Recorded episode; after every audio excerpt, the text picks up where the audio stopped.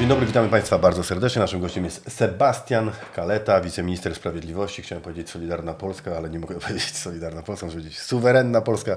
Witam Suwerenną Polskę.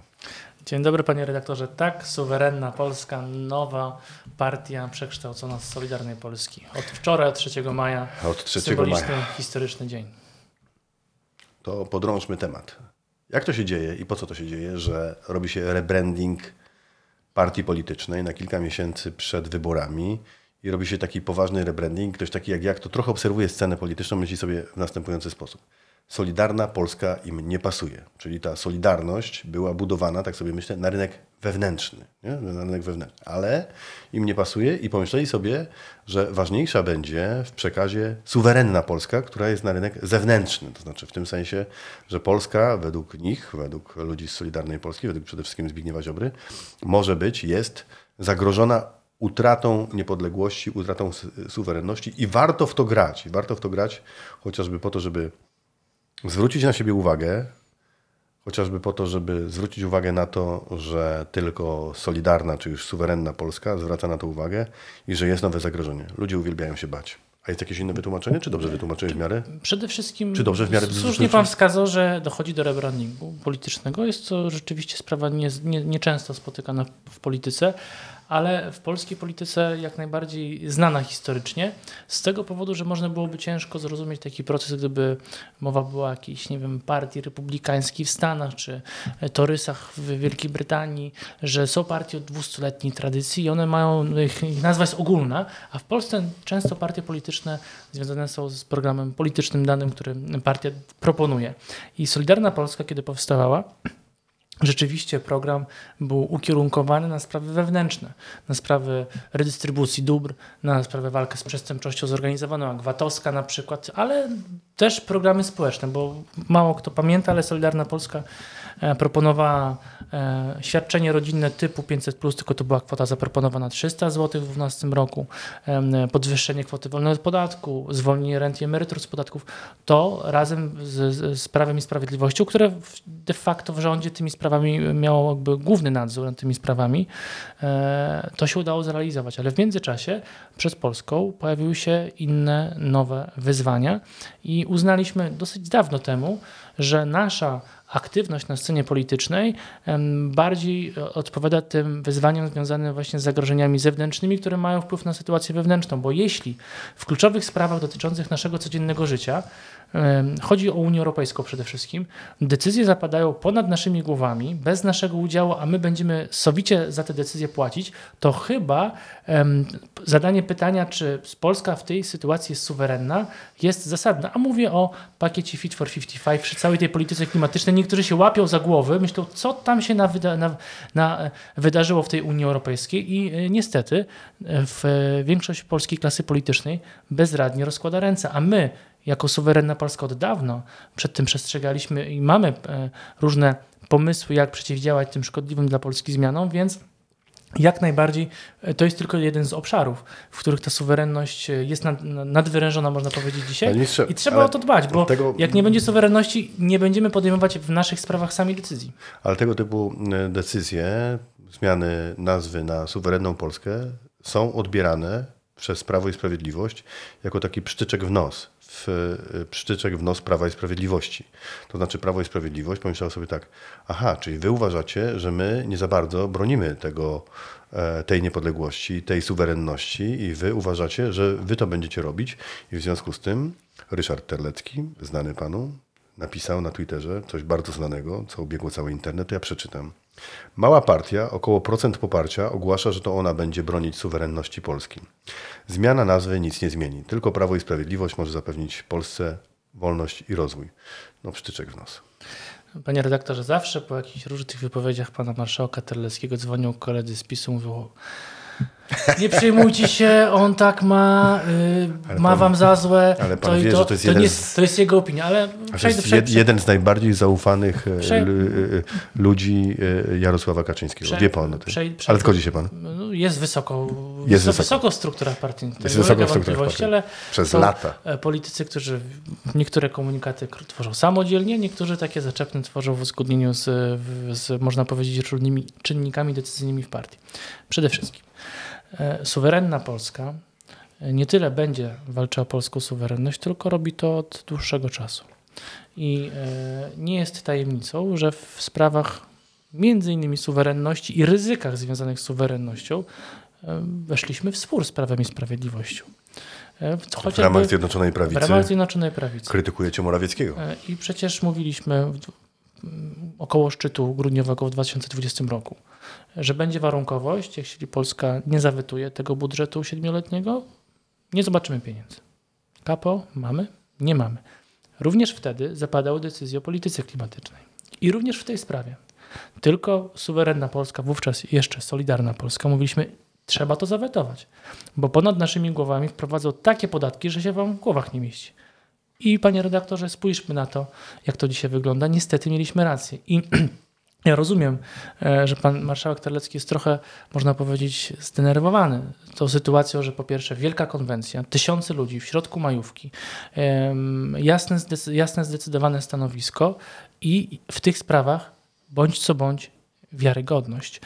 Natomiast e, faktem jest też, my na tej konwencji, ani po niej, nie zamierzamy wchodzić w uszczypliwości czy złośliwości wobec Prawa i Sprawiedliwości. Ja tam już paru z was wiemy- weszło, już paru z was wiemy- weszło w uszczypliwości. wiemy, panie- czytałem. no, czytałem, Panie czytałem. redaktorze, no oczywiście... Uszczypliwości, uszczypliwości. E, Ale, ale, ale faktem jest też, jest też to, że o ile mamy spór z Prawem i Sprawiedliwością, w szczególności ze środowiskiem premiera w tych kluczowych obszarach, to nawet zakładając, że e, uważamy, że popełniono błędy, nie uważamy, że popełniono błędy w złej wierze. A gdyby tam Tusk czy siedział przy stole negocjacyjnym czy nie, to oni w ogóle by e, wszystko, na wszystko się zgodzili, e, co tylko chcą Niemcy. Więc jednak nam zależy na dobrej współpracy z Prawem i Sprawiedliwością, a takie komentarze, być może marszałka Terleckiego, odbieramy raczej w ten sposób, że niewygodnie jest panu marszałkowi jednak rozmawiać o faktach. A tutaj, no niestety, mówię niestety, wolałbym się, wola, wolelibyśmy naprawdę się w tej sprawie mylić, żeby Polska tym miała te pieniądze, żeby ta polityka klimatyczna nie była ponad naszymi głowami, ale niestety my słusznie przestrzegaliśmy, byliśmy dobrze zorientowani, byliśmy dobrze poinformowani i dobrze przewidywaliśmy dalsze kroki Unii Europejskiej. Podoba mi się język dyplomacji, którego pan używa. Powiedział pan coś takiego, mamy spór z Prawem i Sprawiedliwością. Mówiąc na język takiego zwykłego, prostego człowieka jak, ja, mogę powiedzieć, Ziobro nie cierpi Morawieckiego, a Morawiecki Ziobry. W polityce, panie redaktorze, nie musimy się wszyscy kochać, nie musimy się wszyscy lubić, e, nie musimy, e, możemy nawet się nie lubić, ale e, jeśli jest szacunek, racjonalność, to jest pole do współpracy i w ramach Zjednoczonej Prawicy właśnie podchodzimy do tego w ten sposób, że nawet przy różnicy zdań, a w tak fundamentalnych sprawach, jeśli ona faktycznie występuje, uznaliśmy, że powinniśmy to artykułować chociażby po to, żeby spróbować zmienić taktykę całego obozu wobec Unii Europejskiej i również nasz ruch z konwencją, ze zmianą nazwy partii, tym jasnym hasłem obrony suwerenności, to jest też taka e, nie tyle złośliwość czy uszczypliwość, jak pan powiedział wobec PiSu, że tutaj PiS jest zaniepokojony, ale taka naprawdę pokaz naszej determinacji, że my chcemy, żeby nasz obóz trochę może z tej takiej kompromisowości wobec Unii zmienił e, zdanie, żeby pójść trochę bardziej asertywnie, e, bo e, jak się okazuje, dobra wiara, poleganie na do, słowie pani von der Leyen czy innych polityków unijnych czy szefów państw takich jak państwa niemieckiego, no nie do końca potem się okazuje, że te umowy są dotrzymywane. No i myślę, że chociażby w tych sprawach zasłużyliśmy sobie co najmniej na szacunek naszych koalicjantów, bo jesteśmy dosyć ostrożni w emocjonalnych ocenach tych decyzji. A e, czy wy się naprawdę szykujecie do tego, że moglibyście startować osobno poza Prawem i Sprawiedliwością, jak sondaże pokazują, co Terlecki napisał i powiedział 1%? Po pierwsze, sondaże w ostatnich miesiącach były trochę inne. Jakie, E, jakie? Progu nie przekraczacie. By, rzeczywiście były 3-4% sondaże wielu sondażowni, e, więc takie mówienie o 1% jest taką czystą, no, dosyć słabą złośliwością. Ale to nie moja Ale właśnie, to a tak, nie tak, to- tak, to- panie redaktorze. Przyjmuję, bo wy dziennikarze, jak widzicie, że się tutaj jest wymiana, to od razu pod, bierzecie te cytaty, żeby... Jest spór, coś i, się dzieje. I takim tweetem nie rozmawiamy o tym, co, co było na konwencji, tylko co skomentował Nie, zaraz pan porozmawiamy, zaraz porozmawiamy, Ale bo- jakby to, to jest tak naturalna mechanika też e, de- debaty politycznej. E, I e, w, my po prostu jesteśmy gotowi na samodzielny start. Tylko uważamy, że lepszy byłby start w formule dotychczasowej. Ale jeśli, jeśli em, Jesteśmy gotowi na samodzielny start. Dobry tytuł mam do tego wywiadu.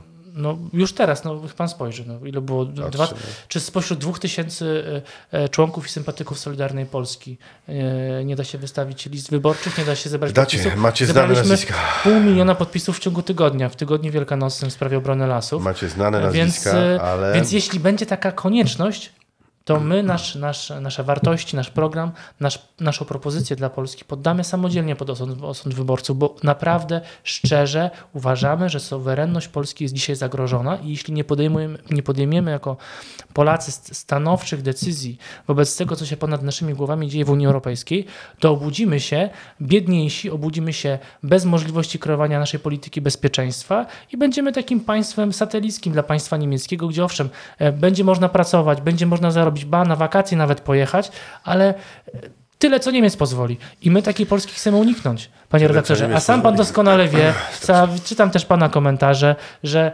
panu się wcale nie podoba to, że, e, bo pan wprawdzie jest wegetarianinem ostatnio, od, znany. od lat, Jednym z najbardziej znanych w Polsce. znanym wegetarianinem, ale e, jednak pan życzy, żeby można było chociażby e, e, przyzwoite cenie mięso w Polsce nabywać, a wiemy doskonale, że polityka Unii zmierza do tego, żeby mięso było takim rarytasem jak kilkaset lat temu, a chyba po to cywilizacja poszła do przodu, żeby, żebyśmy mogli realizować swoje potrzeby zgodnie z naszymi oczekiwaniami konsumenckimi. Porozmawiajmy, co było na konwencji. Na konwencji widziałem, e, w okularach wystąpił Zbigniew Ziobro.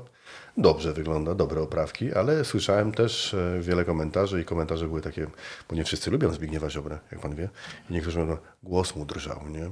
I niektórzy mówią tak, e, ten Jaki byłby lepszy od Ziobry jako frontman? Co pan sądzi, lepszy byłby Jaki? Jaki jest niezły, nie? Niezły Panie jest. redaktorze, u nas naprawdę... Uwaga, chcę pana skłócić. Niech, niech pan, niech pan uważa teraz, to jest podchwytliwe Ja, pytanie. panie redaktorze, nie muszę uważać, bo tutaj jest sprawa dosyć jasna. W suwerennej Polsce liderem jest Zbigniew Ziobro, ale dobry lider... e, Dobry Może lider, mieć dobrego frontmana. Dobry lider to jest frontman, który otacza się e, poważnymi, e, można powiedzieć, poważną ekipą. I u nas w suwerennej Polsce jest poważna ekipa e, energicznych, dynamicznych, zdeterminowanych polityków i również u nas jest dużo kobiet też młodszych, też dojrzałych, które, które Dużo u nas jest dostrzegają... kobiet młodszych dos- i dojrzałych. To jest też dobre na no, to, wyciągnięcie. to, oczywiście, że tak. Mamy w młodzieżówce dużo dziewczyn zaangażowanych w działalność polityczną, ale mamy też taką liderkę jak pani Beata Kępa, doświadczona polityk. Dobry byłby jaki jako frontman? I e, przede wszystkim liderem jest Zbigniew Ziobro. Patryk Jaki jest jednym z liderów, Liderów. e, liderów można powiedzieć, najbliższych Bardzo ministrowi Ziobro. Patrz, jak on E, pracuje, pracowity, no. Wy wszyscy jesteście a tak, ta, znaczy, pracowitość to jest jakby cecha zewnętrzna. My, my idziemy, jesteśmy zdeterminowani tego nie, tego, to, tutaj, co, do, co do tego mm, nie ma wątpliwości. A wie pan, to, to takie drżenie głosu pan powiedział, tak? No, Drżenie głosu, tak. Nie było czegoś takiego. Faktem jest, tutaj może zdradzę taką pewną tajemnicę, bo nierzadko nie mówi się o takich rzeczach zazwyczaj, ale skoro pan to wywołał, y, pan minister Ziobro y, jakby przemawiał ponad pół godziny, a w okresie wiosennym ma z, z, związane pro- problemy zdrowotne związane z alergią i permanentnym zapaleniem górnych dróg oddechowych, co utrudnia pracę retoryczną czasami jako mówcy politycznego, ale wczoraj pół godziny, piękna, płomienna przemowa e, i tam e, takie złośliwości uważam, że e, nie są na miejscu, ale panie A redaktorze... miał Glocka ze sobą? e, Panie ministrze? Miał Glocka ze sobą? nie Żeby wiem, nie nie, było. nie zaglądałem Żeby- sobie pod garnitur. Nie, Żeby nie, było. zwracałem na to Bo uwagi. nie to się akurat podoba. Ja uważam, że Polacy powinni mieć dużo łatwiejszy dostęp do broni i to, że minister sprawiedliwości nosi Glocka, to akurat mi Ale się wie pan, podoba. tamta sytuacja i... to w ogóle... Nie, ja nie mam zazu. Ja sobie pomyślałem, to facetowi Ale wie pan- grożą, wie pan, facetowi zrobiło- grożą śmiercią, bo grozili Ziobrze śmiercią, nie grożą mu śmiercią. E, Facet nosi ze sobą e, e, profesjonalnie, w profesjonalnej kaburze Glocka. Ja jakby przeciwko temu nic nie mam. Mogę się Ziobrze zarzucać inne rzeczy, ale to absolutnie... Ale wie pan, no tam ta sytuacja była dosyć zabawna, bo w TF, najpierw, najpierw w Tak, TVN tam tak, aferę wokół tego tak. zrobiło, a na koniec przecież powiedzieli, ktoś temu musi ociepla wizerunek. To jest taka akcja, że to sam, że to sam to wywołał, a minister jakby w tej sprawie nie, najpierw, tłumaczył, było, że najpierw było, że w ogóle, no, no. najpierw było, że nosi w spodniach, że bez kabury, Tak, w ogóle tak, jakie tak, tak. historie. Nie, no to, to, to, to Wy jesteście zadowoleni z tych 8 lat? Przecież to, co zrobiliście z sądami, to fajnie, nie? Trzeba, czy... Czy Niech pan uważa teraz, niedosyt. jest podchwytliwe. Nie, niedosyt, panie. Niedosyt. Nie, oczywiście, że I to, I to tylko tyle? E, Bo mnie się wydaje, że jest gorzej niż było. E, To zależy. To Posłuży jest się pan złożona statystyką. dyskusja, Tak. y, ale postaram się krótko odpowiedzieć, bo wiadomo, że mamy ograniczony czas. Y, Z naszej perspektywy Ministerstwa Sprawiedliwości suwerennej Polski jest tak, że czujemy niedosyt z tego powodu, że reformy częściowo zostały wprowadzone, ale nawet te, te, to częściowe wprowadzenie nie jest w tej formule, którą proponowaliśmy, bo pan prezydent zawetował, wprowadził swoje rozwiązania, a potem wszystko zostało zatrzymane. I zatrzymaliśmy się na etapie No, z sądów. y, Z niektórych rzeczy się wycofujecie, jak w przypadku kodeksu drogowego, że dwa lata, teraz będzie rok, no po co to wprowadzaliście? No, To, to są częściowo, z kodeksem Ech. drogowym to częściowo rozwiązania, które proponowane były przez inne resorty, a teraz ta, ta, ta zmiana z punktami karnymi wynika też jakby no, z tego, że my pokazujemy, że nie, no, tutaj jakby to że nie była nasza propozycja, że za dużo, że zbyt daleko to są e, e, utrudniające też funkcjonowanie e, e, i nie, przeciwskuteczne można powiedzieć zmiany, natomiast A właśnie. jeśli chodzi o... Jak mi to miło słyszeć. Przeciwskuteczne zmiany wprowadzaliście. A czy, nie, pan powiedział o kodeksie drogowym, Tak, do tego tak, się w tej tak, wypowiedzi tak, odniosłem, tak, tak. ale e, jesteśmy, mamy poczucie niedosytu, bo sądy powszechne 7 lat nie możemy ich reformować, jest zablokowana reforma spłaszczenia struktury. W międzyczasie drobne korekty w informatyzacji sądów, duże zmiany, jeśli funkcjonowanie rejestru przedsiębiorstw, doręczeń elektronicznych pełnomocników, naprawdę potężne zmiany nastąpiły, natomiast Rzeczywiście przez weta, potem wejście w negocjacje z Unią Europejską, część sędziów z, z Stowarzyszenia Politycznego, bym powiedział, Justicja, e, oni e, próbują rozwalać sądy wewnętrznie, bo przykładowo mógłby pan zadać pytanie, o, te sądy pracują wolniej czy szybciej? A potem mógłby powiedzieć, a co ja jestem? Sędzia, który wydaje codziennie orzeczenia? Jak mamy takich sędziów, którzy najpierw chodzą na protesty, piszą jakieś odezwy w każdej sprawie politycznej, siedzą na Twitterze, z, a mogliby więcej orzeczeń wydać, a potem płaczą, że statystyki sądowe są e, gorsze. E, na przykład e, był taki okres, że były gorsze, ale na szczęście się poprawiają, bo odpowiedzieliśmy na pewne zagrożenia. Dobrze, że pan to powiedział. Panie redaktorze. no. Poprawiają się i są coraz lepsze i myślę, że przed wyborami również będziemy mogli pokazać w obszarze statystycznym bardzo trudnym. Panie ministrze, te metodologie zmiany- są takie niezrozumiałe też Zmiany wasze, wasze zmiany. Od opinii 8 lat ma grozić, od 8 lat ma grozić zaprowadzenie dezinformacji. Nowością jest kara, to jest takie prawo, które przygotowujecie. Nowością jest kara za tak zwaną gotowość wywiadowczą od 6 miesięcy do 8 lat i za nieumyślne szpiegostwo 5 lat. Co to jest ta gotowość wywiadowcza? A w ogóle co to jest nieumyślne szpiegostwo? Idę sobie, rozmawiam z wiceministrem i czy ja tutaj nie uprawiam jakiegoś nieumyślnego szpiegostwa? Trochę się śmieję, trochę nie, bo dobrze jest jak prawo, szczególnie które sankcjonuje e, pewne czyny e, karami więzienia, jest precyzyjne, a to chyba tej precyzji brakuje. Panie redaktorze, to- Nieumyślne szpiegostwo. E, Panie redaktorze, Mogę zrobić coś głupiego i pójdę do więzienia, ale tak, powołuje się pan na projekt na projekt. i nie jest to projekt Ministerstwa Sprawiedliwości, ale, bo się od niego nie zamierzam odżegnywać, e, zmiany w tym obszarze są niezbędne, jeśli chodzi o obszar e, odpowiedzialności za szpiegostwo, e, znamion czynów związanych ze, szpiegostwem, ponieważ aktualne wyzwania związane z bezpieczeństwem Polski pokazują, że aktualny kodeks karny, mówią- mówiąc delikatnie, nie odpowiada wszystkim zagrożeniom i możliwości skutecznego, skutecznej obrony interesów naszego państwa. E, A pamiętajmy, że w tych sprawach kodeks był pisany trochę abstrakcyjnie i w innej rzeczywistości również informacyjnej. E, Natomiast e, zgadzam się z Panem, że tego typu znamiona czynów powinny być precyzyjne, w szczególności jeśli mówimy o dzieleniu się informacjami, bo to naturalnie interesuje media E, i na pewno te przepisy w toku prac sejmowych muszą być, jeśli nie dobrze i zrozumiale wytłumaczone, to e, odpowiednio skorygowane, żeby tych wątpliwości nie rodziły. Natomiast e, sama idea tych zmian jest e, bardzo pozytywna i my tutaj w ramach, szerzej mówiąc, nie tylko w ramach całego obozu trwa praca nad tymi przepisami. To nie jest zmiany, to nie są zmiany wymyślone w Ministerstwie Sprawiedliwości. Tam są też komponenty związane z ministrami odpowiedzialnymi za służby specjalne i te rozmowy wewnętrznie w szerszym gronie trwają i były różne pomysły też w tych sprawach. Natomiast na pewno e, ja bym to, sobie I co to jest to szpiegostwo ja bym, właśnie ja bym, sobie, ja bym sobie życzył, żeby w trakcie prac sejmowych wszystkie środowiska polityczne odpowiedzialnie do tego podeszły, żeby nie sprowadzać na przykład sprawy do tego, że można taką, można sobie wyobrazić, e, bo ja akurat bardzo szczegółowo nad tym projektem nie pracowałem osobiście i nie jestem takim, raczej żeby to też nie zostało wycięte, bo wiceminister sprawiedliwości mówi, nie jestem ekspertem od prawa karnego, przecież trzeba być ekspertem od wszystkiego, tak, w dzisiejszych czasach. E, Nie jest, e, są e, le- lepsi prawnicy z zakresu prawa karnego niż ja, może tak powiem. To co to jest nieumyślne szpiegostwo? Ja, jeśli pan mnie pyta, no to ja bym powiedział, że nieumyślne szpiegostwo mogłoby polegać na tym, że ktoś nie wiedząc o tym, z kim ma do czynienia, powinien racjonalnie działa, e, działając informacje. e, mieć świadomość, kim ta osoba może być. I to może być ta nieumyślność. Natomiast szczegółowo Nie dzielcie się e, informacjami, to jest- które... to są, to są sprawy, które powinny być szczegółowo. Jestem przekonany, że będą na posiedzeniach komisji. Jeśli te wyjaśnienia nie będą satysfakcjonujące, jestem przekonany, że te przepisy będą poprawiane. Natomiast ważne jest to, żeby w tej sprawie z jednej strony każdy autor projektu musi być odporny na krytykę i nawet jeśli ktoś sprowadza sprawę do absurdu, nie reagować emocjonalnie, ale z drugiej strony, żeby nie prowadzić tylko takie debaty o tym w oparach absurdu, bo sprawa jest do rozwiązania i e, na pewno mm, dzisiaj widać w niektórych obszarach, że ewidentnie mm, podmioty, które mm, można powiedzieć, jest takie pojęcie znane pożyteczny idiota. Jest takie znane pojęcie, że ktoś robi y, robotę de facto Chyba leninowskie to jest. to jest leninowskie powiedzenie, ale też wczoraj podczas naszej konwencji była taka, taki film z takim posłem, Fran, Franek Sterczewski.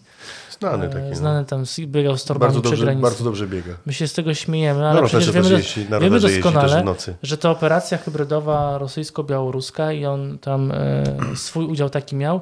No i tam taki, taki żart minister Jachim chyba powiedział, że przychodzi Szojgu do Putina i pokazuje tego Sterczewskiego. Putin się pyta go, ile mu zapłaciliśmy? A Szojgu mówi, na tym polega cały szkopuł, że nic. E, I właśnie pytanie jest takie, czy, e, czy powinniśmy w jakiś sposób, czy państwo powinno reagować na e, tak oczywiste działania, które nie są w interesie tego państwa. Ja nie mówię o tym w tym kontekście szpiegostwa czy tak dalej, tylko bardziej ogólnie, że dzisiaj za takie szkodzenie państwu wprost, niezależnie czy to jest poseł, czy to jest osoba postronna, która po prostu realizuje interes innego państwa. Totalnie. Nie ponosi żadnej odpowiedzialności, bo można zawsze powiedzieć, że to są jej przekonania, poglądy. No to jest poważna dyskusja w świetle Mam tego, co nadzieję- się dzieje blisko nas. Mam nadzieję, że tacy ludzie będą, albo przynajmniej powinni być wykluczani przez samych wyborców. Bardzo panu dziękuję za rozmowę. Sebastian Kaleta, wiceminister sprawiedliwości, był naszym gościem z całkiem nowego ugrupowania Suwerenna Polska, Suwerenna której, Polska, której to dokładnie. suwerennej Polsce życzę wszystkiego dobrego. Dziękuję bardzo.